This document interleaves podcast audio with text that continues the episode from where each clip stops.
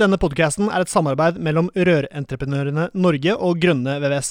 Felles for både Eli og meg er at vi brenner for rørbransjen, og vi ønsker å dytte bransjen i riktig retning. Men dette får vi selvfølgelig ikke til alene, vi trenger flere. Du kan bidra med å abonnere på podkasten, skrive en omtale i iTunes og dele denne med folk eh, du er glad i.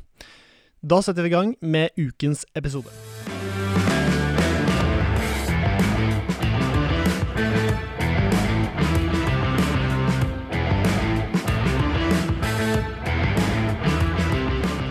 Hei og hjertelig velkommen til en ny episode av Bare røre med Eli Hermine Heidal Eide fra Rør-Norge og Severin Popmitteide fra Grønne VVS. Nå er vi alle sammen, håper jeg, på en god juleferie. Og vi sitter og mimrer litt tilbake til episoder. Vi har jo hatt eh, nesten et helt år med eh, innspilling her, og vi har mye bra å se tilbake på. Mye bra gjester, mye gode samtaler om viktige temaer.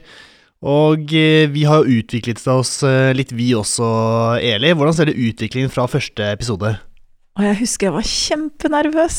Dette her syns jeg var kjempeskummelt, Severin, å sette i gang med det her. Mm. Og så syns jeg vi ble ganske fort Jeg tror, du var, jeg tror ikke du var sånn du, ikke du er sånn anlagt og være sånn nervøs, men jeg tror du var litt spent, da. Eh, og du var sikkert litt spent på åssen jeg var, og jeg var litt spent på åssen du var. Mm. Uh, vi har tilbrakt mange timer sammen. Ja, det har blitt helt vanvittig, faktisk. For det er jo mye som skjer rundt eh, innspillingen også. Vi sitter jo og prøver å klippe Vi klipper jo og limer veldig lite, men, men vi må jo finne ut av hva vi skal snakke med gjesten om. Mm. Og hva som interesserer gjesten, så vi må høre med gjesten. Og så må vi legge på litt tekst her og der, og så blir det en god, god stund sammen, da. Mm. Mm, men ehm, hva, hva, hva syns du høydepunktene har vært da, Eli? Åh, det er nesten litt ille å måtte plukke ut noen få. Men jeg husker jo Vi begynte 24. mars. Mm. Eh, og den første episoden er litt klein å høre på, eh, så den prøver jeg ikke å høre på igjen. Men eh, jeg husker at den første gjesten vi hadde, det var Martin fra Rør-Norge. Mm. Eh, og han blei jo liksom en gjenganger. Han kom igjen en to-tre ganger, har vært innom en to-tre ganger i løpet av året også. Men han blei jo liksom eh, Er det du sa? Du kalte den litt Legende. sånn Legende Mm. var liksom en sånn greie, da. Um, jeg syns, jeg syns vi fikk veldig bra, mye bra ut av Martin. Jeg husker han også var litt nervøs. Jeg tror det hadde litt med at vi var litt nervøse. Mm. Vi har utviklet oss, Ja. og eh, de som har vært der, har kanskje følt seg tryggere når vi har blitt litt tryggere, vi også. Ja. Mm. Jeg er ikke så stressa på Vi har jo hatt et par runder hvor liksom En gang vi hadde et opptak, husker du det? Som ikke blei nå. Ja, vi klarte å ikke spille ta opp? Ja, det var Ja, jeg tok ikke opp episoden, og det var dumt, men vi har jo sett at det, å ta opp eh, og spille inn en episode en gang til ikke har vært så aller verst. Nei da- det funka, det, ja. Det funka, det. Så det um, Ja, det gjør vi ikke igjen, da. Det har vi lært av. ja. Men Mm. du har ikke rekt å bli lei meg ennå på de 37 Dette er den 37. episoden, da? Nei, jeg tror vi klarer litt uh, noen uh, sesonger til, altså. Ja, jeg- du Mm. sa jeg skulle holde på i første episoden til jeg var 80. Ja. Det kan hende du angrer litt på at du sa nå. ja, du er jo ikke 80 helt ennå, nei. Nei, Stemmer det? Det er noen år igjen, vet du. Mm. Så Vi får prøve å holde gående litt til. ja. Mm. Em, vi kjører noen klipp vi, fra de tidligere episodene, de vi har fisket ut og tenkt at uh, dette var ordentlig bra content som uh, du som hører på må ha med inn i en ny, uh, nytt år. Vi har plukket opp noen, noen godsaker, rett og slett. Ja, altså Vi mm. kunne tatt mange flere, Severin. Jeg syns det, var litt- jeg synes det har vært veldig arbeidskrevende å prøve å finne de klippa, for jeg har hørt og hørt og hørt. Um, og det er ikke alt som vi tar opp som kanskje liksom er hovedsaken i den episoden. Men jeg syns vi skal høre klippet med Martin da, først. Vi starter med legenden eh, på starten, og eh, derfra kom det jo bare gå nedover, for han er jo en ordentlig bra kar. Så vi kjører en eh, liten klipp med Martin her først. Men Var du fagnøyd før du begynte på Mm. fagskolen, eller? Nei, egentlig så starta det når jeg var uh, rørlegger, faktisk. Og da, jeg har alltid vært interessert i det. Uh, for jeg er jo an- annengrads uh, rørlegger, eller annen annengenerasjons rørlegger. Da jobba jeg hos en, eh, en sånn ingeniør. Og så trodde jeg at jeg var Trodde jeg kunne ganske mye, ikke sant. Så, så jeg sa at eh, for, Jeg husker ikke helt historien, men jeg fortalte i hvert fall at eh, sånn kunne vi ikke gjøre, og da ble jeg liksom virkelig arrestert, ikke sant. Du ble tatt med buksene nede, rett og slett? Tatt med buksene nede, og det var, det, var, det var flaut. Men det er liksom Det senere har gitt meg en sånn det er, Kunnskap er moro, altså. Mm. Mm. Og det hjelper bedrifter, da. Eh, Det er kanskje noe av det beste jeg vet. Å hjelpe studenter. Mm. Sa du nå egentlig det at du var ganske høy og mørk og trodde du kunne alt, og så kom noen og ja, tok deg med buksene på knærne, og så fikk du lyst til å lære mer? Er det du egentlig sier? Eh, Akkurat det der kalles faktisk eh, Dunning-Kruger-effekten. Jeg vet ikke om dere har hørt om den. Nei, fortell.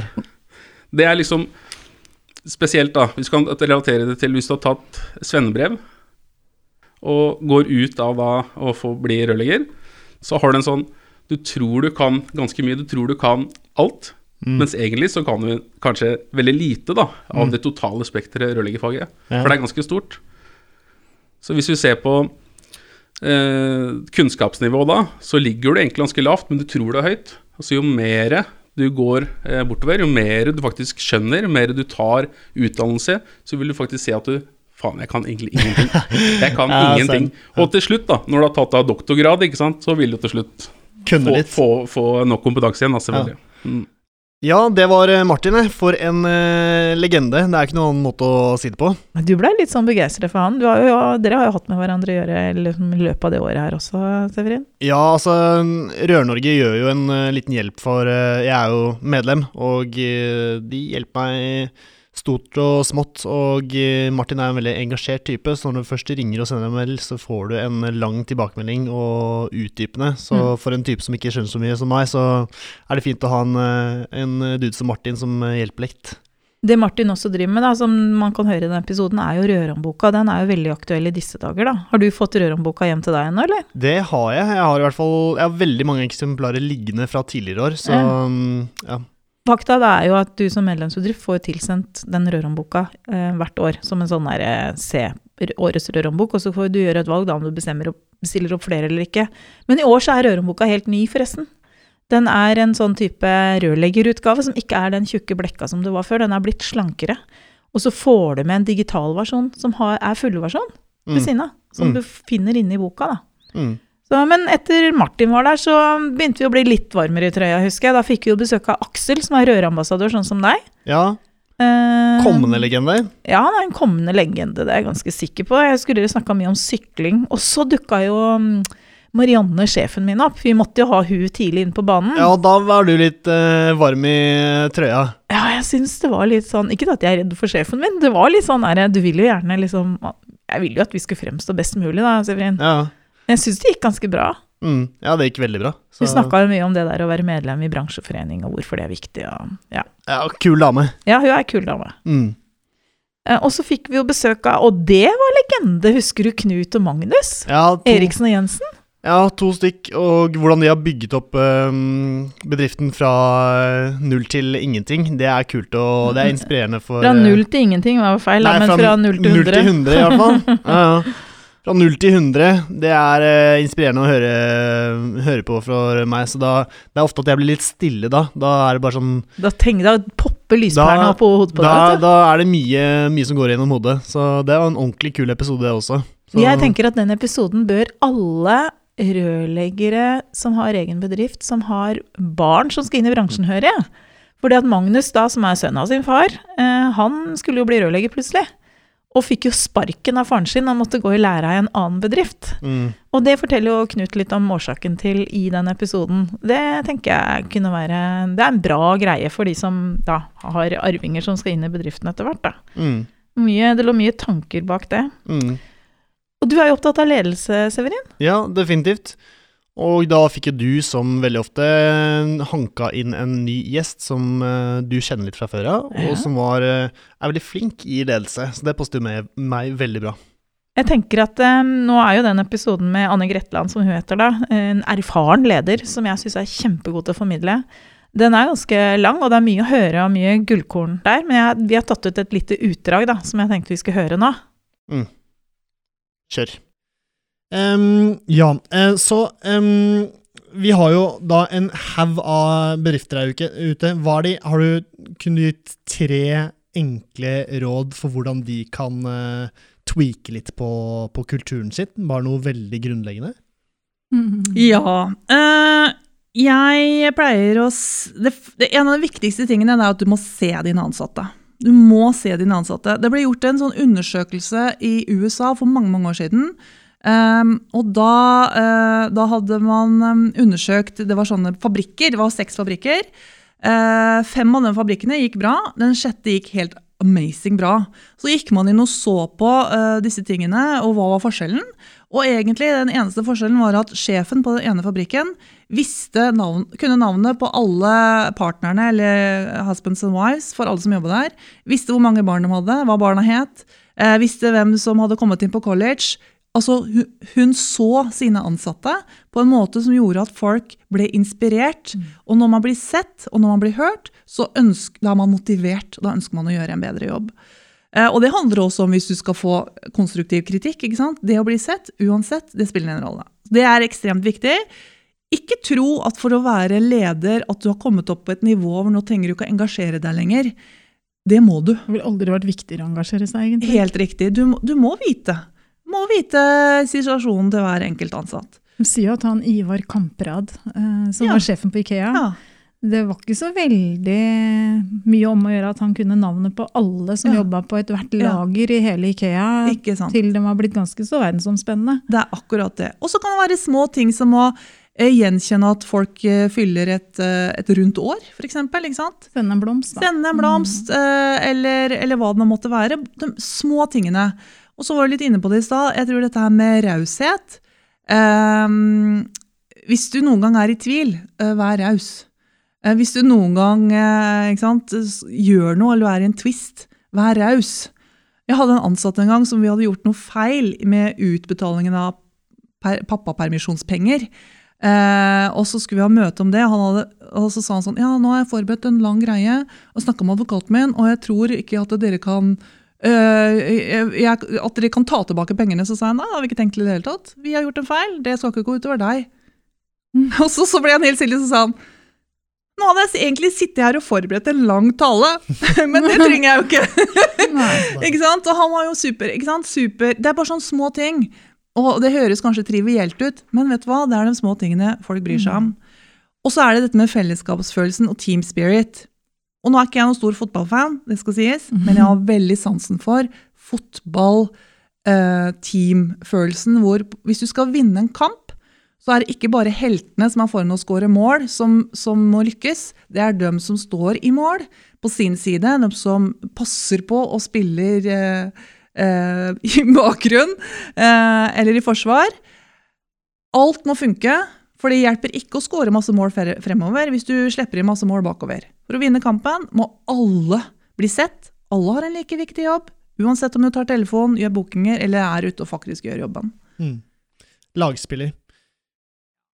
Lagspill, ja. Det er jo definitivt noe vi trenger i hverdagen vår. I hvert fall for, eh, for min del, for det er veldig mange ting jeg ikke er så veldig god på når det kommer til advokathjelp og eh, mye ting man ikke lærer før man faktisk eh, har behov for det. Eh, og eh, vi har hatt advokat her, vi har snakket om forsikringer og alt mulig rart. Og det, det syns jeg er gøy å prate om eh, her, åpent og, åpent og løst. Eh, og Ja, det, var masse, det var det vi pratet om eh, da, de neste episodene. Ja, for når Anne var liksom, Anne var jo her, så da husker jeg at du var litt sånn her eh, Wow! Og du var skikkelig inspirert etterpå. Mm. Uh, og jeg merker jo jeg merker forskjell på deg, Severin, fra jeg liksom blei litt bedre kjent med deg når vi begynte med podkasten. For jeg merker jo at mange av disse tinga som du har fått input på da, i løpet av det og nesten året som har gått, har jo endra dine perspektiver på en del ting. Uh, og det syns jeg er stas. Det Mm. endrer mine perspektiver òg, ikke tro det. Altså, jeg sitter ikke og kan alt her i verden. Det er veldig mye jeg har igjen å lære her i livet. Mm. Eh, så jeg lærer noe nytt hver gang jeg har opptak sammen med deg, jeg òg. Altså. Mm. Det er eh, Jeg ser det på deg. Du, du, du legger noen sånn, Du stjeler noen blikk bort på meg i løpet av episoden og bare ser at jeg sitter og gosser komser. meg, vet du. Det er så stas. Ja. For vi hadde jo han som var lærer på fagskolen i ledelse, og så hadde vi jo eh, ja, når du snakker om juss, han Trond som jeg jobber sammen med, altså Trond som er rørleggerbedriftenes advokat, yep. din juridiske avdeling faktisk, Mm. Severin, Mm. han var jo her. Eh, Og snakka, da husker jeg at jeg sa 'Å, nå ble jeg redd'. Mm. For det var et eller annet Vi drev og snakka om det der med å skrive en avtale med kunder når du tar på deg en jobb. Mm. Noe du ikke gjorde. Jeg er ikke Mm. sikker på om du har begynt med det ennå. Jeg er ikke sikker du har hatt ro i ræva til å sette deg ned og ordne opp i det, liksom. Nei, det er fortsatt mye som, eh, mye som, står igjen, og eh, det er klart vi diskuterer hva som er det ideelle i forhold til kunder og hvordan de ser på rørleggerens Hvordan de har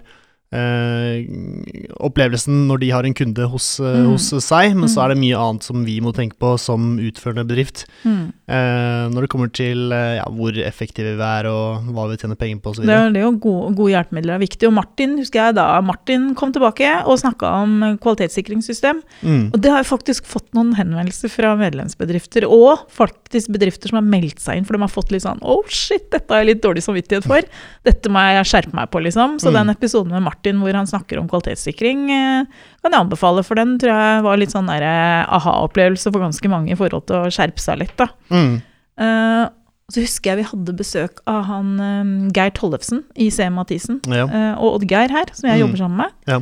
Husker du vi snakka om da? Rørleggerlønn? Rørleggerlønn, og det var vel noen tariffer og, og så videre inne i bildet. Var det den episoden jeg sa til deg at eh, faen, Severin, du fucker opp eh, bransjen eller et eller annet jeg sa til Ja, deg i forhold til lærlingelønn? For jeg tror du drev og deala med Ja, han du har som lærling, husker du det? ja stemmer. Altså hadde du tenkt å gi sykt mye høyere lønn, for du lever jo fortsatt i en verden at du syns lærlingelønn var så dårlig når du begynte med det her. Ja, stemmer. Så vi driver fortsatt og Nå, det, nå har jeg tatt uh, lærlingen med på den uh, lønnsreisen, da, og han eh, har jo kompiser som er ute i læra selv, og, eh, og det er jo flere av de som har, uh, har nokså høyere, mye høyere lønn enn han. Som kommer rett fra VG2, eller som er voksenlærlinger, for det er også forskjell, vet du. Ja, de er eh. Nei, de, er, de kommer fra, fra VG1, de også. Um, men så møtte han en murerlærling her forleden dag, og han Mm. hadde jo enda lavere lønn. Så da Han hadde dette var 62 hans- kroner, liksom. Ja, han hadde, dette var hans store dag, da, for dette var en bra dag, for nå hadde han møtt noen som hadde enda lavere lønn. Det er bra. Mm. Og så husker jeg, og det syns jeg var så gøy, vi hadde besøk av eh, Christian fra mm, eh, Østfold VVS. Grimeland VVS. Snakka om Help-forsikring, husker du det? Og så Ja, var han fra Help her. Ja. Nei, var Eh, ikke det VVS Komfort? Jo, det var det kanskje de het. Jeg tror det. Ja, jeg Mm. husker ikke alle, jeg klarer ikke det. Jeg Det tror vi sier flaut, VVS kanskje. Komfort, ja. Mm. Jeg gjør det, de het det. Han het i hvert fall Christian Grimland. Yes. Det husker jeg. Eh, han var jo ikke rørlegger sjøl, men han var jo en fyr som virkelig benytta seg av den Help-forsikringen til Rør-Norge. Mm. Eh, og Help har jo sagt til meg at de har jo faktisk fått flere kunder takket være den episoden. Så det skada jo tydeligvis ikke. Um, så det er jo liksom det der, de der fellesskapstinga har jo tydeligvis eh, den godt ut av, da. Mm. Um, når vi var på, Husker du vi var på NM her i høst, Severin? Ja, stemmer. Da var det jo en fyr med som skulle representere Oslo i NM. Mm. Han hadde vi med på en episode sammen med Helge fra opplæringskontoret i Oslo, hvor vi snakka om hva som gjør det til en god lærebedrift. Stemmer. Jeg husker jeg tenkte at han var en reflektert fyr. som turte, Han var veldig sånn åpen da, til å være Mm. en ung, eh, ung ja, da lærling. Mm. Så ja. Hmm. Hva er det du eh, er det noen sånne ting du tenker at um, En av de tinga jeg har sett når det har liksom gløda mest rundt deg, Mm. vet du når det er? Nei, Gjette ledelse eller noe sånt? BIM. BIM, ja, stemmer selvfølgelig. Det er kult, for da tenker vi ofte hvordan eh, rørleggerfirmaene og rørleggerbransjen kommer til å se ut om fem-ti år, og hvilke muligheter vi har, og vi drømmer litt, da. Mm. Og da er det kult å ha på plass f.eks. Martin, da, som er på min alder, og Mhm. som eh, har, eh, eh, har blitt BIM-tekniker, er det det han heter? Mm, Ja, Han er egentlig fagskoleingeniør Ja. med eh, ekstremt god BIM-kompetanse. Ja, Han har jo ikke tatt en egen BIM-utdannelse, men han jobber jo med undervisning på BIM. Mm. Og han sa jo det, at det viktigste du lærer er jo ikke egentlig sjølve Altså, du må kunne skru rør for å kunne bli god til å bimme. Mm. Ja, og så I tillegg til at vi snakka med Martin, så har vi hatt en BIM-episode til. Eh, nå i høst så hadde vi jo Espen på besøk fra Auli. Eh, husker du det? Ja, det husker jeg veldig godt. Og dere satt jo her og gikk gjennom på PC-en hans hvor han viste deg. Det er tydelig at du ikke hadde sett før, men det var, eh, det var moro å se. Eh, Både, både det han gjorde, men også hvordan du reagerte på det, for du blei jo ganske i fyr og flamme. Ja, definitivt. Det er jo gøy å se hvor enkelt uh, det kan gjøres, og hvor oversiktlig det blir da for uh, de ansatte som skal Mm. prøve å lese. Det så lekende lett ut når han gjorde det, men han har lagt ned mange timer i det. Men jeg tenkte vi skulle høre litt fra utsnittet, eller et utklipp fra episoden med Espen, jeg. Ja, vi kjører på.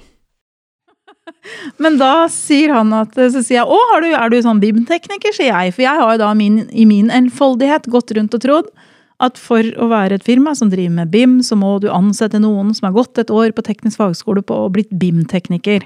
Mm. Så han nei, nei, nei, sier Espen. Jeg har ikke det, vet du. Jeg har gått fire dager på kurs i Sandvika. Og da måtte vi begynne å snakke sammen. Mm. For da lærte jeg veldig mye nytt den kvelden. Ja. Eh, så hva gjorde du? Nei, altså, jeg tok kurs, og det er liksom, når du først har lært deg programmet, så det er jo ikke noe verre enn å tegne i 2D. Det er jo akkurat det samme. eneste du må tenke på, er høyden på røret. Og det er ikke noe problem det å sette hva den høyden skal være. Men for en som aldri har tegna 2D, så kan det hende at det høres veldig skummelt ut for det. Ja, det første de sa på kurset, var jo og spurte om er det mange som tegner i AutoCAD. Og så rakk jo 90% opp hånda. Han sa dere kommer til å få det verst. Oi. For dere kommer til å sitte og leite etter hva dere har i AutoCAD. For det, alle tror at det er, det er Autodesk som lager begge programmene, at det er helt At likt. det er likt, ja. Det er jo ikke helt likt i det hele tatt. Så, det Så du, du, du må bare scratche det du har, og, og tenke nytt, da. Det er egentlig en fordel å ikke kunne tegne Altså, klart, du burde jo ha en viss tegnekompetanse, da, at du veit åssen du skal tegne strekene. Men eh, jeg, Det lærer du på kurs. det lærer du på kurs, og kan få hjelp til å gjøre i etterkant. da. mm. det er ikke noe Det er ingen som ikke kommer til å klare det, vil jeg tro. Vi hadde jo en podkast, husker du han Martin som var her? Ja, ja. Tennis-Martin. Ja. Mm. Eh, han sa jo det at eh, det å komme på kurs hos dem og være rørlegger i utgangspunktet, var jo de som tok det lettest. Rett og slett fordi at eh, det er fint å være ingeniør og kanskje kunne tegne, men det å forstå hvordan du faktisk legger de røra, og hva som er utfordringen i forhold til krysninger, og hvordan du løser det, det er liksom det som er suksesskriteriet på hvor Det lett dette her går, da. Absolutt den største fordelen vi har. At det er, det er jo mer rørlegging enn tegning. Du sitter her og tenker på åssen vi kommer til å bygge det her, og, og bygger det på en best mulig måte og penest mulig måte. Så det er jo bare fordel. Der vil jo ikke en eh, sivilingeniør som aldri har eh, lagt en rørmeter i sitt liv, kunne vinne. Nei. Så vi tegner alltid sånn vi vil bygge det.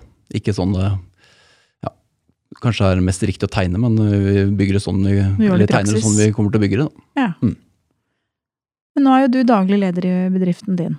Mm. Men i praksis er du egentlig en prosjektleder, tenker Ja. jeg. Du har litt Altså, eh, mange roller i Ja, et du blir jo potet. Mm. Så det du sitter og gjør, er jo å styre alle prosjektene deres med alle de oppgavene det er, men du sitter også og prosjekterer. Ja. Men hva skjer i praksis da, Espen? Sånn som den barnehagen du fikk, da. Mm. Hvordan foregikk det i praksis? Hva, hva, hva måtte du Altså, du gikk fire dager på kurs, som kosta noen kroner, Mm. hos NTI. Ja. Eh, og så måtte du kanskje kjøpe deg noen dataprogrammer og noen PC-er og noen skjermer og noe greier, eller? Mm. Alltid fordel å ha stor skjerm og rask nok PC til å håndtere da. Bare en stor skjerm. Nei, 38 tommer, kanskje. Ja. Jeg kjøpte en 49 tommer, den ble altfor stor. Må sitte og rulle, det, ja. rulle fra ende til ende. Ja. Så 38-40, det er fine, fin skjerm. Og hvor er, hvor er du Nå spør jeg kanskje dumt, men hvor er du kjøper sånt utstyr? Nei, På Elkjøp, liksom? hvor, hvor som helst, Ja. eh, egentlig. Det er ikke noe big deal. Nei. Og de får greie på når du går på kurs, kanskje også hva du trenger. Ja, du har jo noen minimumskrav eh, som du kan gi deg, men eh, de PC-ene som er i dag, de alle håndterer det her. Det er ikke Ja. noe sånn ekstreme Det er ikke som det var før i tida. Nei. Nei. De fleste PC-ene håndterer dette. Ja. Og hvor bruker du det? Er det på, på badet og sånn, eller er det eneboliger og Ja, stort sett eller? fra eneboliger og oppover. mm. Men uh, hender vi tegner opp noen små bad og hvis det er noe spesielt, da. Ja, det var BIM, og det tror jeg vi kommer til å ha noen episode på senere også. ja, for du er jo ikke utlært på BIM ennå, du, Severin. Nei, jeg er jo ikke det. Jeg har jo skulle til å si så vidt startet, men jeg har jo ikke startet engang. Du har jo, drømt om å starte. Jeg har drømt om å starte, og eh, ja, så jeg håper å sette av mer tid til eh, kursing og skolering av meg selv eh, dette, dette året her. Kan ikke det være et nyttårsforsett som du bearbeider litt nå i romjula, egentlig? Mm. At du tenker at du skal sette av Jeg lærte ganske tidlig at jeg av en sånn 100% jobb, da, nå jobber jo du mye mer enn vanlig 8-4-jobb, men du bør sette av 20% av tida di både til å knytte kontakter og leie deg nye Altså til sammen da, 20 til å knytte kontakter og leie deg nye ting. Mm. At hvis du klarer å rydde unna et par timer i uka, eller at du sier at nå skal jeg gå på kurs, og så freder du en dag eller to litt sånn fram i tid, Mm. så gjør du deg sjøl en tjeneste, tror jeg. For at du jobber så mye, du, Severin, at jeg er nesten bekymra noen ganger. Ja, ja, nei, vi får se. Altså. Det er jo en utrolig Det er en veldig god idé. Så jeg må bare mm, ta meg selv i øret og prøve å få satt opp noen kurstimer. Han driver og kaller meg mora si litt innimellom. Jeg har ikke egentlig lyst til at han skal se på seg som mora, mi, mora si, men jeg blir jo litt sånn Det er omsorg, da. Nei, det er feil. Du kaller Du kaller meg moren din. Jeg har aldri sagt at du er moren min. Har du ikke Men det? jeg vet flere som har kalt uh, Det er moren deres, og Ah, blant annet uh, Sandvika Kristoffer? Som Ja. også har hatt uh, på, Ja. på podden. Ja. Han er jo en luring, og eh, på generalforsamling så sa han at eh, Eli, hun kommer til å bli eh, hun kommer til å, hun kommer til å føle at hun er moren din. Hun passer på deg overalt hva du driver med. Men dette er bare godt ment, da. Dette er en omsorg, altså. Det, det, det høres kanskje litt sånn flåsete ut, men helt fra jeg jobba med lærlinger og drev med lærlinger i opplæringskontoret i Buskerud, så har jeg liksom det derre å drive med denne bransjen er jo litt sånn omsorgsarbeid. Jeg vil jo veldig gjerne, og det er derfor vi dro i gang poden av, for at vi ser at det er så mye som vi har så lyst til å ta tak i. Å få i gang den samtalen i bransjen er liksom Det er jo det vi har prøvd på å få til i disse nå 37 episodene, Severin. Ja, det er det. Jeg føler vi klarer det på en god måte, og eh, nå har det vært veldig mye teknisk. Kanskje vi skal finne noen eh, Jeg tenker å finne noen Jeg vil ha inn noen eh, eh, folk som legger Hva heter det? Når du legger sånn rør, avløpsrør inni et avløpsrør. Altså sånn der sokk inni røret. Ja, sånn Rørfornying. med Ja. Olimb og alle disse Ja, ja. der, ja. Men vi har jo noen sånne vi kan prate med. Ja ja, vi må spre oss ut og utvide oss til eh, litt andre Men det er jo også en viktig del av Det er en viktig samarbeidspartner også, tenker jeg, da. Mm. Disse som driver med sånne trekk, trekking av rør. mm. Fordi at eh, du som rørlegger kan jo komme på et bygg hvor du tenker at her er det kanskje ikke det smarteste å bygge, bytte ut røra, men kanskje jeg skal fornye dem. Mm. Så det er jeg enig i. Husker du den gangen jeg var mest nervøs av alle eh, i det året som har vært? Det må Var det Raymond Johansen? Ja, det Ja. var det, vet du. Ja. Jeg, jeg er ikke nervøs, men litt sånn Du var starstruck. gira. Nei, jeg var sånn gira.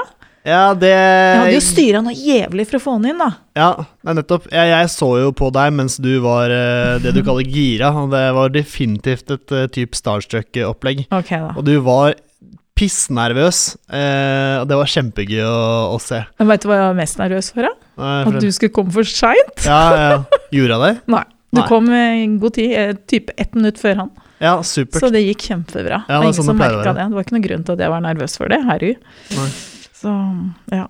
Ja, det gikk, eh, det gikk glatt. Så mm, skal vi ta og høre en liten eh, klipp av han, kanskje? Ja, det syns jeg. Yes. Men hvis Severin får et oppdrag av en, si han får et oppdrag av Veidekke, da, for å ta et eksempel, om å gjøre en jobb.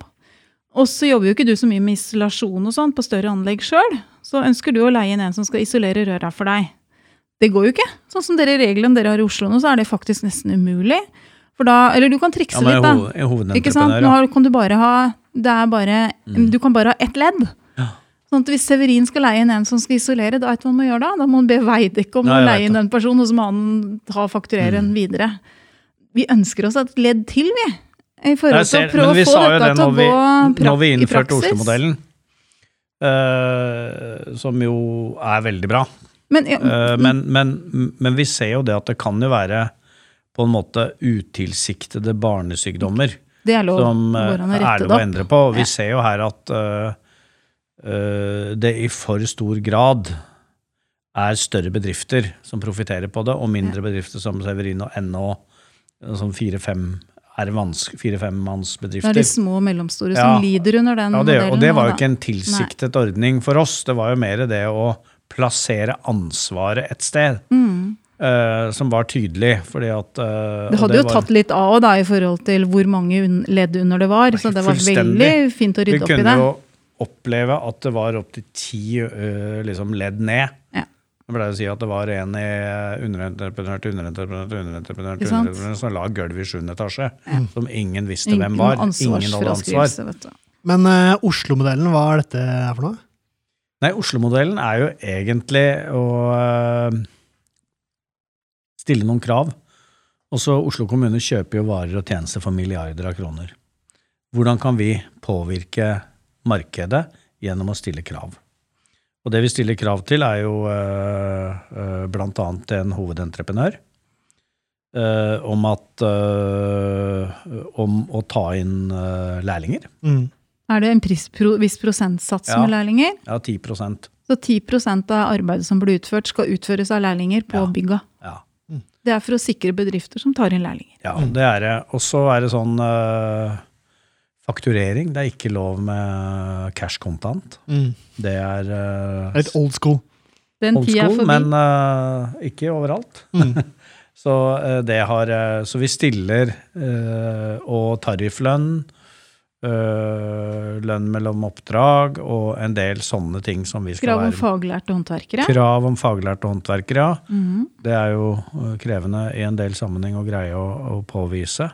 Men det er rett og slett for å bruke vår øh, makt som øh, kjøper av varer og tjenester til å påvirke markedet. Fordi svart arbeid er en utfordring, øh, mindre enn før.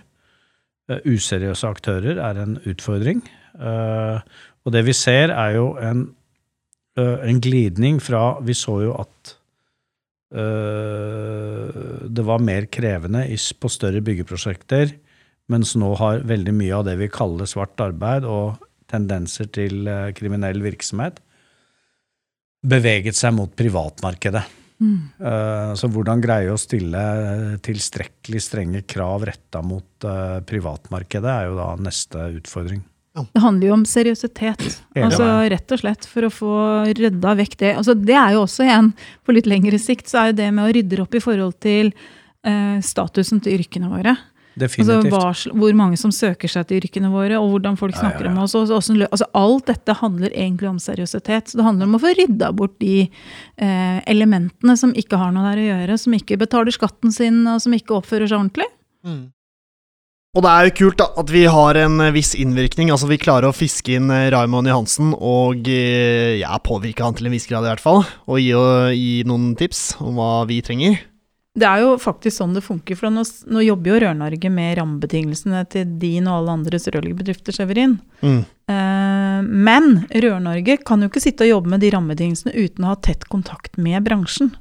Og i dette øyeblikket så var jo vi på en måte Vi hoppa litt sånn Nå var, nå var vi rett på Raymond og kunne si at du vet hva, det dere har funnet på, det er bra, det. Og det er klart, det Oslo har gjort med Oslo-modellen Da fikk jo du også en, i den episoden en bra forklaring på hva Oslo-modellen var.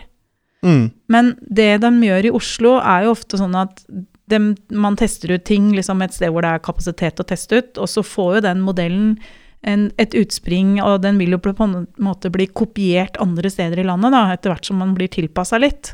Og det vi gjorde nå, var jo egentlig å si til han Raum at det er bra det dere har gjort, men dere har bomma litt, for at små og mellomstore bedrifter eh, taper på det her. Mm. Det må dere rydde opp i. Mm. Så får vi se, da. Nå kan jo vi i Rør-Norge prøve å følge det opp uh, og spørre liksom du, Raymond, åssen ligger han med det her? Har du fått rydda opp i det? Mm. Um, Det var kult å høre historiene hans også. Du trenger jo ikke å forbli rørlegger. Vi er jo opptatt av rekruttering, men det viktigste er jo at folk driver med ting de liker. Ja. Og du kan alltid skifte yrke, uansett om du er baker og vil bli rørlegger, eller rørlegger og vil bli byrådsleder. byrådsleder. byrådsleder. Mm. Mm. Det var, eh, det var en tøff ep- episode. Ja, og så syns jeg han var en veldig ålreit fyr. Altså, han er jo en fyr som jeg bare har sett på TV, eh, men han er jo en helt vanlig fyr, akkurat sånn som oss, ikke sant? Eh, og så var han en veldig Jeg syns han svarte godt for seg, og ja, han har beina på bakken. Vi trenger sånne politikere òg. Ja. Det er veldig bra. Mm. Jeg er enig, og eh, vi rusler videre vi, i, i sesongen som var. Og hvilke, hvilke andre er det du har tenkt at, at burde fått en liten eh, snakk om? Jeg syns vi skal snakke altså vi, ah, vi kan jo ikke sitte og snakke om alle, Severin. Da blir vi jo aldri ferdig. Og det, er greit at det er ei lang romjul, på en måte, lenge til nyttår nå. Men Jeg tror ikke folk skal sitte og høre på alt. Men jeg husker, vi snakka jo med Norges hyggeligste altså vi om Norges hyggeligste håndverker. At Ja, det skulle være en kåring her i høst. Ja, Benjamin. Ja, Mm. Så det var kult. Mm. Eh, han spilte sjakk og greier, husker jeg. Men, men den derre- det opplegget med Norges hyggeligste håndverker, det tror jeg er bra for bransjen vår. Mm. Eh, eh, det var jo litt sånn aha-opplevelser også, det som ble sagt der. sånn at Oppfordringen til alle som hører nå, er jo å nominere alle de bra rørleggerne man kjenner, inn til årets hyggeligste i år. Mm. Sånn at rørleggerbransjen virkelig liksom viser oss fram. For dette er en arena å blomstre på, tenker jeg da. Ja, definitivt. Og eh, jeg kan bare si at den festen som er Ja. under kåringen på Norges hyggeligste håndverker, den er helt spinnvilt. Du har jo en haug med håndverkere som skal feste. Mm. Og eh, er det dårlig med restriksjoner til eh, høsten, så kan jeg love deg at det blir et blir et det party. heidundrende party. Men da må du komme til finalen, ikke sant? Ja, stemmer. Og hvis du kommer til finalen ett år, så blir du invitert neste år. Ja, stemmer. Så det er bare å Så det blir jo den festen, da. Ja, det blir bare større og større, de greiene der. Så premien i igjen er en kul fest eh, sammen med masse andre kule håndverkere på høsten. Det Ja, det stemmer. er bra oppfordring. Mm. Uh, og Den første nerdeepisoden vår kom jo ikke så lenge etter det. Da snakka vi om automatiske vanns... Eller lekkasjestoppere. Vannstoppere. Vannstoppventiler. Mm. Um, han som var med da, han er jo en av mine tidligere lærlinger òg, så det var jo egentlig ganske eh, morsomt. da, Å treffe igjen folk som du har hatt, liksom, hatt så mye med å gjøre tidligere. Ja, ordentlig kul eh, type. Waterguard-folka er, eh, er bra. ehm, det er kult at folk kan bry seg så mye om et uh, eneste produkt. Jo, men det er jo sånn det blir. At du graver deg liksom ordentlig ned i et produkt. Mm. Eh, Du blir jo litt sånn generalist. Eh, Martin var vel med på den episoden sammen med Tobias, hvis ikke jeg husker feil.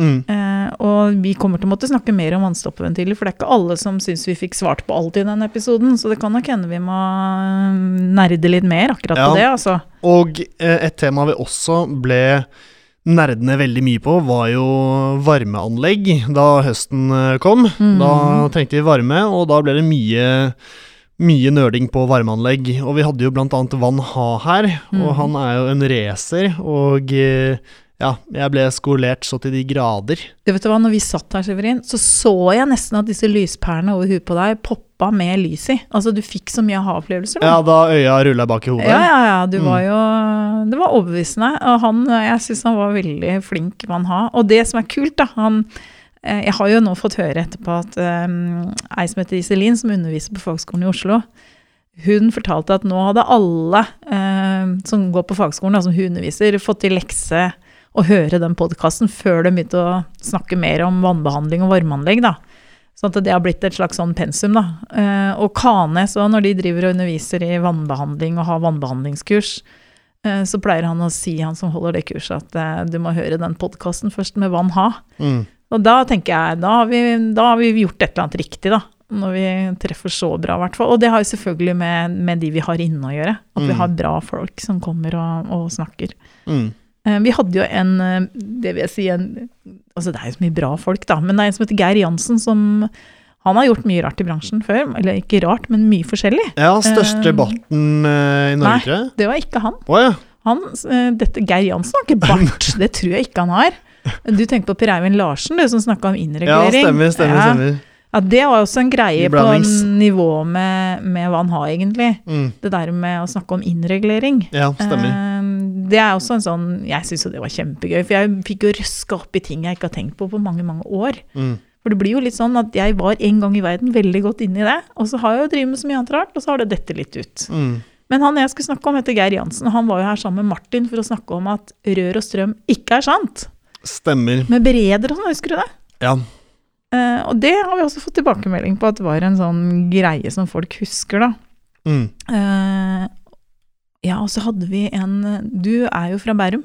Mm. Husker du vi hadde Ja Rørteknikk og Espen her sammen med Rein fra Kanes? Ja, Det husker jeg. Da snakka vi om gulvvarme. Det tror jeg vi kunne snakka om i mange episoder eller mange timer, for når de gutta begynte å bli varma opp, da Mm. var det jo gjort. Ja da var vi i gang, liksom. Ja, og bare å få på en mynt, så pratet vi lenge, og det viser at vi mm. har eh, engasjerte, engasjerte mm, ikke bare lyttere, men også gjester. Ja. Mm. Og bil er jo et tema. Vi måtte jo skravle litt innredning. om bil. Ja. Bil og innredning er jo innredning av bil. Mm. Har du gjort noen endringer i bilen din, da?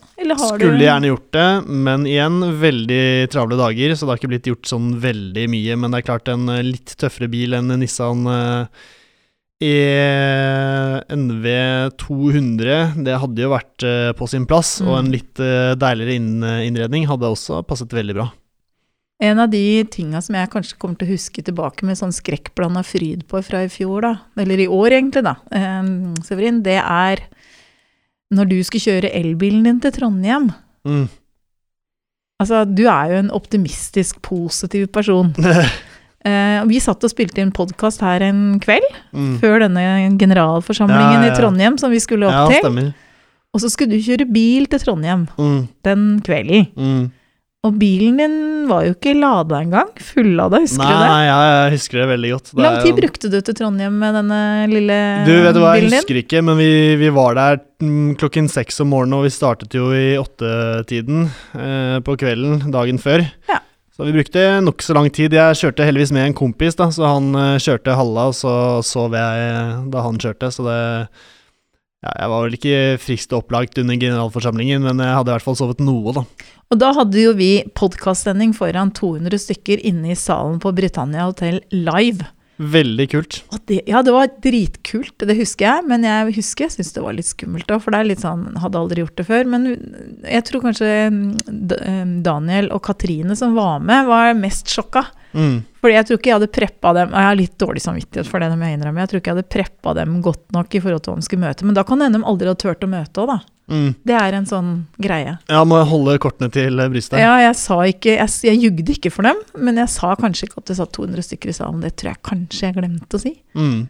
Men det var ikke det som var viktig. Det viktigste var at vi snakka om rekruttering og, og ja, det å få inn folk i bransjen da, Mm. foran alle disse folka. Mm. Men det gikk jo bra, det òg. Det gikk veldig bra, som det alltid gjør. Vi er jo omrikt av uh, igjen engasjerte folk, og da, Mm. da blir det bra, bra podding uansett.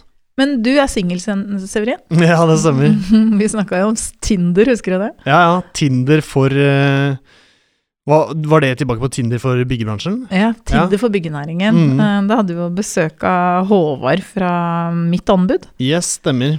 Uh, for å snakke litt rundt det. Mm. Og Mitt anbud er jo en litt sånn der het potet i bransjen, for det er ikke alle som er like lykkelige for at det fins. Nei, det er jo omdiskutert, da. Og det er jo på Jeg vil si det er på godt grunnlag. Og eh, ja, jeg tror det Vi kommer til å slutte å snakke om det som en litt sånn uh... Nei, Det som er sikkert, er i hvert fall det at eh, verden har endra seg. sånn at De som er kunder, de bruker jo digitale verktøy for å finne fram til håndverkeren nå. Det er mm. ikke sånn at du har en husrørlegger lenger. Det er klart, En eller annen form for em, digital plattform må du være på for at kundene skal få tak i deg. Og Mm. dette er en av dem. Mm. Jeg syns vi fikk snakka mye om hva dette faktisk innebærer, og at verden er litt annerledes nå enn når de starta opp i sin tid. Mm. Og det syns jeg var veldig nyttig. Men eh, husker du vi snakka om våtrom, da? Ja, det husker jeg også. Fagrådet for våtrom. Mm. Mm. Kule episoder. Det er bra for Sist gang jeg øh, liksom gikk dypt inn i våtromstalken, var jo tilbake på da jeg var lærling. Det er jo 100 år siden. Og det er jo 100 år siden, så det er alltid fint å få oppfriskning i akkurat det. Mm. Så ja. Jeg tror vi må ha mer om det også, altså, fordi det trenger jeg mer opp oppfrisking i. Ja. Mm. Det er helt sikkert flere enn deg, Severin, som trenger det. Jeg har fått litt kjeft av noen, da. Noen som syns jeg er litt sånn at, eh, at jeg liksom outer deg, at det er ting du ikke kan. Mm. Men det er det jo på Det er jo ting jeg ikke kan. så Jeg må gjør jo ikke det for å være slem, da. Men Nei. jeg syns det er ganske raust av deg å på en måte eh, Det er mange menn jeg kjenner som ikke er veldig flinke f.eks. bare til noe sånn som enkelt som å spørre om veien. Da mange menn er litt sånn at de skal fader ikke vite at de ikke, vise at de ikke kan. Mm. Der syns jeg du bjuder deg på på en bra måte. Eh, og det er som Anne sa i episoden om ledelse, vær raus. Er du i tvil, vær raus. Tror Mm. du vinner på å være raus her, altså. Ja, jeg håper i Um, hvert fall det, for jeg føler jeg er det. Nei, Ja, men du er det. Så det er mange som på en måte får glede av at du tør å være åpen på hva du ikke kan. Ja. Eh, Vi driver med perspektivbevegelighet her, vet du. Mm. Eh, Husker du at det er jo en du nevnte i stad, driver og kaller meg mor. Ja, stemmer. Vi har Mm. eh, Sandvika Rør. Severin kom jo, nei, Kristoffer kom jo inn her med, husker du det? Tre glass med litt sånn forskjellig urinfarva, guggete vann. Ja, stemmer. Snakka vi om at, ja, at det er problemer i varmeanlegg, og veldig ofte så er det vannkvaliteten. Mm.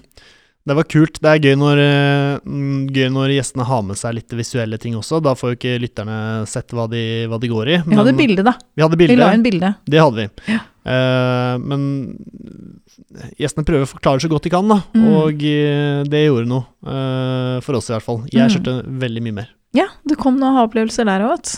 Det var også egentlig litt nerding. Mm.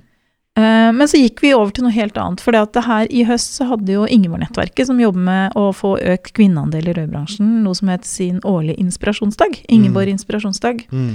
Og i år så hadde de besøk av Ja, de, jeg, det høres ut som det er veldig langt unna meg. Altså, jeg starta Ingeborg-nettverket, og det, jeg brenner jo for den delen òg, selv om det er litt sånn hobbyprega noe av det. Men vi hadde besøk i år av Helene Uri, som er en veldig kjent forfatter. Eh, som har skrevet en bok som heter Om kvinner, menn og språk. Mm. Eh, hvor hun snakka litt om eh, hvorfor det er liksom viktig hva slags ord vi bruker. Og det var litt sånn i rekrutteringsøyemed, og hvordan vi som bransje på en måte utvikler oss videre, da. Mm. Så vi hadde jo en sånn aftertalk med Helene. Du og um, Arsen, lærlingen din, satt jo her og hørte Helene holdt innlegget sitt på inspirasjonsdagen. Mm. Og så hadde vi en samtale etterpå hvor Arsen var med. Mm. Husker du det? Og så skravla vi litt om liksom, hvorfor, het, hvorfor kan det ikke hete læregutt? Hvorfor skal vi kalle det lærling? Og det var litt sånne opplagte ting blitt etter hvert for meg, da, men det er jo ikke det for alle. Mm. Um, så det var min måte å på en måte prøve å bringe det litt inn i bransjen. Da. Det gir litt nye perspektiver. Mm. Det har vi alltid godt av Ja. å få. Yes, og, eh, men det klippet vi gjerne vil vise dere nå, og eh, ha en liten snutt av, er nemlig klippet med Ellie. Daniel, Daniel din nye selveste. bestevenn. Min nye bestevenn. Eh, Daniel er en eh, råtass, og eh, ja, jeg tror vi kommer til å se Jeg håper vi har han tilbake i poden om ikke så altfor lenge. Og eh, ja, han er en inspirasjon for eh, meg og mange andre når det kommer til synliggjøring av bedriften, og eh, ja, bare en allround bra type. Så jeg håper vi kommer til å se mer av han, men her er et lite klipp da altså fra hans episode. Jeg Sånn er det bare. jeg merker det, altså. Det er, jeg føler hele uken blir bare én Altså, Da mener jeg hele uken, lørdag og søndag, blir bare én svær saus. Og mandag til fredag går så sinnssykt fort. Det er helt spinnvilt. Ja. Så, så det, det blir bare en grøt. Og ja. så jobber du fletta deg fra, Ja. fra mandag til fredag, og sikkert eh, Eller ja, garantert eh, på lørdag og Ja. søndag også. Så Men det er jo én ting som gjør det her. Eh, Og det er jo ansvarsfølelsen du plutselig Ja. får hvelvende Yes. over deg. Yes. Som du egentlig ikke har vært innom og toucha på engang Ja. eh, før du begynte for deg sjøl. Jeg- jo jeg, Ikke på samme måte, Nei, ikke på samme måte, nei. Eh, eh, Helt klart. Det er jo klart, eh, når jeg jobba for konsern, så var det jo på en måte ei utømmelig lommebok, føltes det som. Altså, Det var ikke sånn at du eh, hadde dårlig samvittighet hvis du ikke hadde fakturert i en måned, men nå kjenner du jo virkelig på det når du ser liksom pengene på kontoen. Det, det begynner å bli tynt her nå, og jeg er veldig dårlig på fakturering. Mm. Eh, har blitt mye bedre siden sommeren, men sånn eh, før den tid veldig dårlig. Og det er jo klart Hvis vi har kunder da, som har betalingsbetingelser på gjerne 30 dager og 60 dager, finnes det også, og du har kjøpt inn materiell, og det guttene og jentene skal ha, av lønna si, så begynner det å spise. sant? Så det er klart at eh, den, den kjenner jo på mye, da. Eh, ikke så mye nå, men uh, fram til sommeren så kjente vi på det sånn ja, slutten av måneden. Ja, Daniel og Eiva for en gjeng, altså. Og jeg fikk et enda bedre. Det er jo kult når vi sitter her, og så plutselig så er det fredagskvelden, og så drar vi ut på byen. Uh, Vi så Morten Ramm og Vegard et eller annet show, og det er noe av det Det er noe av det villeste jeg noensinne har sett. Så det er gøy å, å knytte nettverk, da. Og mm. det er jo sånn når vi har, eh, når vi har eh, folk her, så vil vi gjerne bli godt kjent med dem, og knytte nettverk er superviktig. Men du går ikke på byen med alle vi har hatt her. Nei, men eh, Helene Uri var det kjempegøy på byen med. Ja, ja, og- det var party.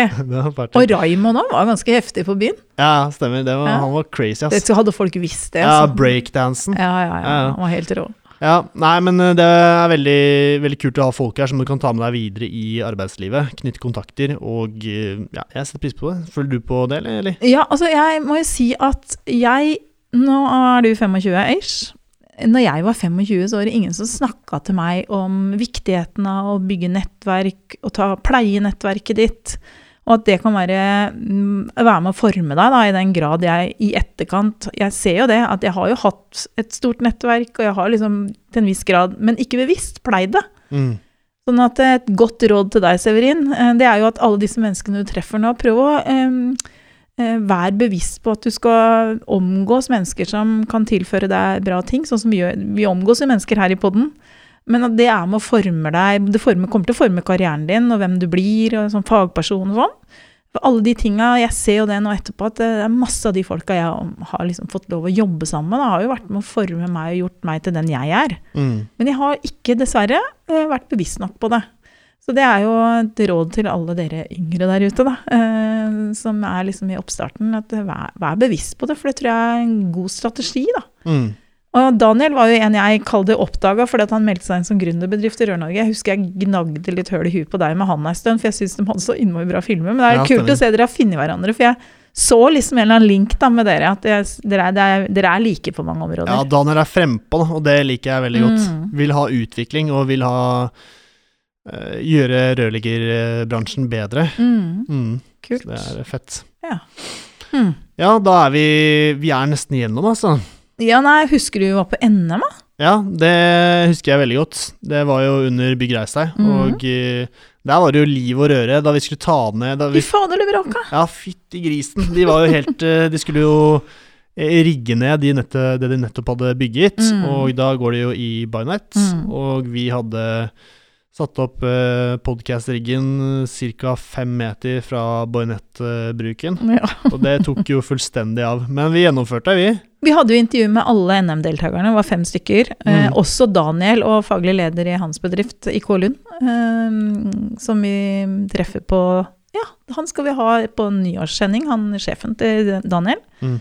Eh, men greia er at eh, det å være med på NM var jo på en måte både nyttig og lærerik, for vi traff jo masse andre bransjefolk der òg. Vi hadde jo en egen episode også bare om Bygg Reistad og hva det innebar, og liksom litt om noen av leverandørene som var med, både og sponsa NM, men også hadde utstilling, eller stand, da, på Mm. Bygg Reistad. Mm. Og det syns jeg Ja, jeg var jo litt stressa med deg da, da, husker jeg. Du var jo litt seint ute da. Ja, det skjer. Du får mye ekle tekstmeldinger fra meg når jeg er litt urolig, men du takler det bra, altså. Ja, jeg syns jeg klarer meg bra. Nei, Bygg Reistad er jo veldig kult å, å se alt som rører seg i bransjen. Um, Vi hadde jo vår første giveaway, husker du det? Det er ikke mange ukene siden. du, det husker jeg ikke, altså. Nei, for det er fordi jeg kuppa det. Jeg spurte ikke deg om lov engang.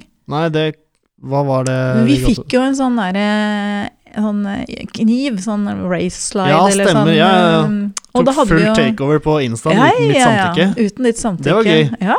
Jeg har aldri gjort det før, jeg vet ikke om jeg tør å gjøre det igjen. Men eh, vi fikk jo en sånn eh, elkniv fra Armatur Jonsson. Ja, ja. Og det passa jo bra med at vi skulle ha Det var jo litt sånn fordi vi hadde den episoden med Asbjørn. Um, så det var mye kulere å dele den med noen av disse lytterne våre, og de som fulgte oss på Instagram og Facebook og sånn. Mm. Uh, og det var jo baktanken vår var jo å prøve å få flere til å følge opp, sånn at vi følger oss. Vi har jo ikke hatt noe fokus på det med lyttertall, Mm. men det kan hende at vi skal ha litt altså, Til mer liksom, vi driver med her, til og med gøy blir det jo at flere lytter. Altså, viktig, de, det viktigste er at de som lytter, eh, får noe igjen for det. Også, Det er enig ja.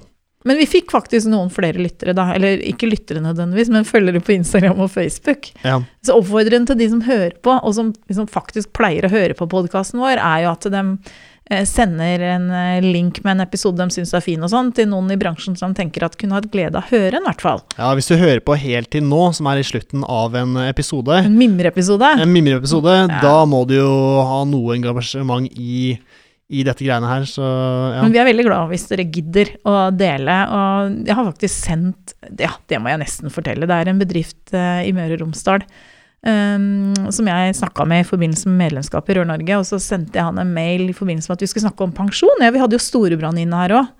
Og det viste at den bedriften sparte jo noe helt sinnssykt mye penger, spør du meg, på å gå over til den pensjonsordningen vi har i Rør-Norge. Mm. Um, så jeg sendte over den podkastepisoden vi hadde med Storebrand her i sommer en gang Mm. til han. Og så fikk jeg mail dagen før vi skal møte at du, nå har jeg hørt alle, da var det vel 34 episodene da. Eh, gleder meg til i morgen. Og så hadde vi en veldig god samtale, og denne bedriften er jo da selvfølgelig fortsatt medlem i Rør-Norge nå, og Mm. har benytta seg av den pensjonsordningen vår. Eh, men det viser at det vi snakker om funker, da. Ja, mm. Fordi at han hadde plutselig fra fått råd om å høre én episode, så han hørte alle. Det var stas. Mm. Mm. Kult.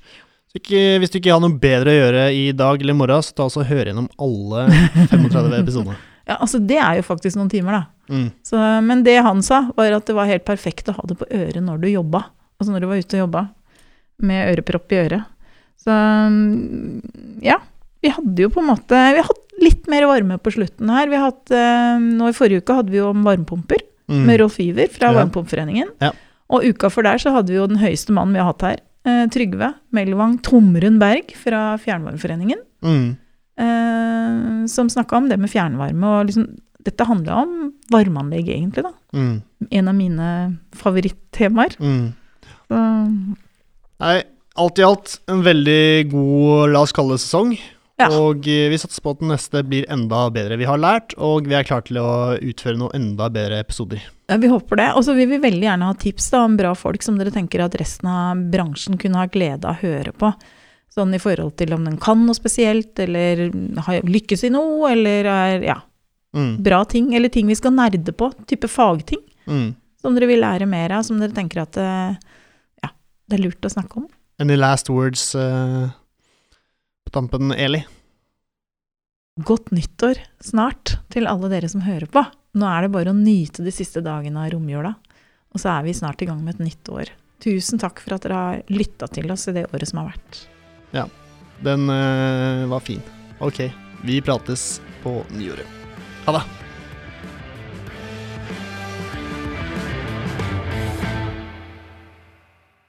Halla, hvis du likte denne podcasten, hadde vi satt utrolig stor pris på om du abonnerte og gir oss en tilbakemelding i avspilleren.